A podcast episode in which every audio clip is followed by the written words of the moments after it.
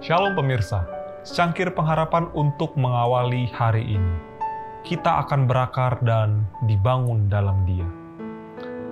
Kamu telah menerima Kristus Yesus Tuhan kita. Karena itu, hendaklah hidupmu tetap di dalam dia, hendaklah kamu berakar di dalam dia, dan dibangun di atas dia. Hendaklah kamu bertambah teguh dalam iman yang telah diajarkan kepadamu, dan hendaklah hatimu melimpah dengan syukur Kolose 2 ayat 6 dan 7. Kita perlu bertobat setiap hari. Doa kita harus lebih tekun. Barulah doa-doa kita itu lebih berkhasiat.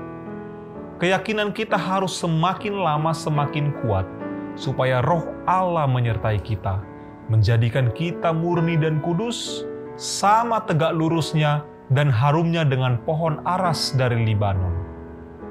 Banyak yang menerima pujian atas kebajikan yang sebenarnya tidak diperuntukkan bagi mereka. Penyelidik hati menimbang motif dan sering perbuatan yang sangat dipuji oleh manusia dicatat olehnya sebagai yang keluar dari sifat mementingkan diri dan berdasarkan kemunafikan.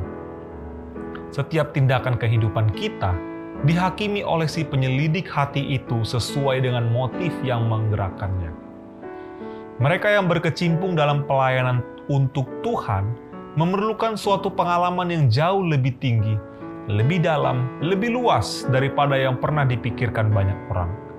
Banyak orang yang sudah menjadi anggota keluarga Allah yang besar sedikit saja mengetahui tentang apa artinya memandang kemuliaannya dan diubahkan dari kemuliaan kepada kemuliaan. Banyak yang memiliki pengertian samar-samar tentang keistimewaan Kristus, dan hati mereka bergetar dengan kesukaan. Mereka rindu merasakan kasih Juru Selamat yang lebih penuh dan lebih dalam. Roh Kudus bekerja dengan mereka yang akan bekerja, membentuk mereka yang akan dibentuk, membangun mereka yang akan dibangun. Buatlah bagi dirimu sendiri budaya pemikiran rohani dan hubungan kudus. Engkau melihat baru cahaya pertama fajar permulaan kemuliaannya. Apabila engkau mau untuk mengetahui Tuhan, engkau akan mengetahui bahwa jalan orang benar itu seperti cahaya fajar yang kian bertambah terang sampai rembang tengah hari.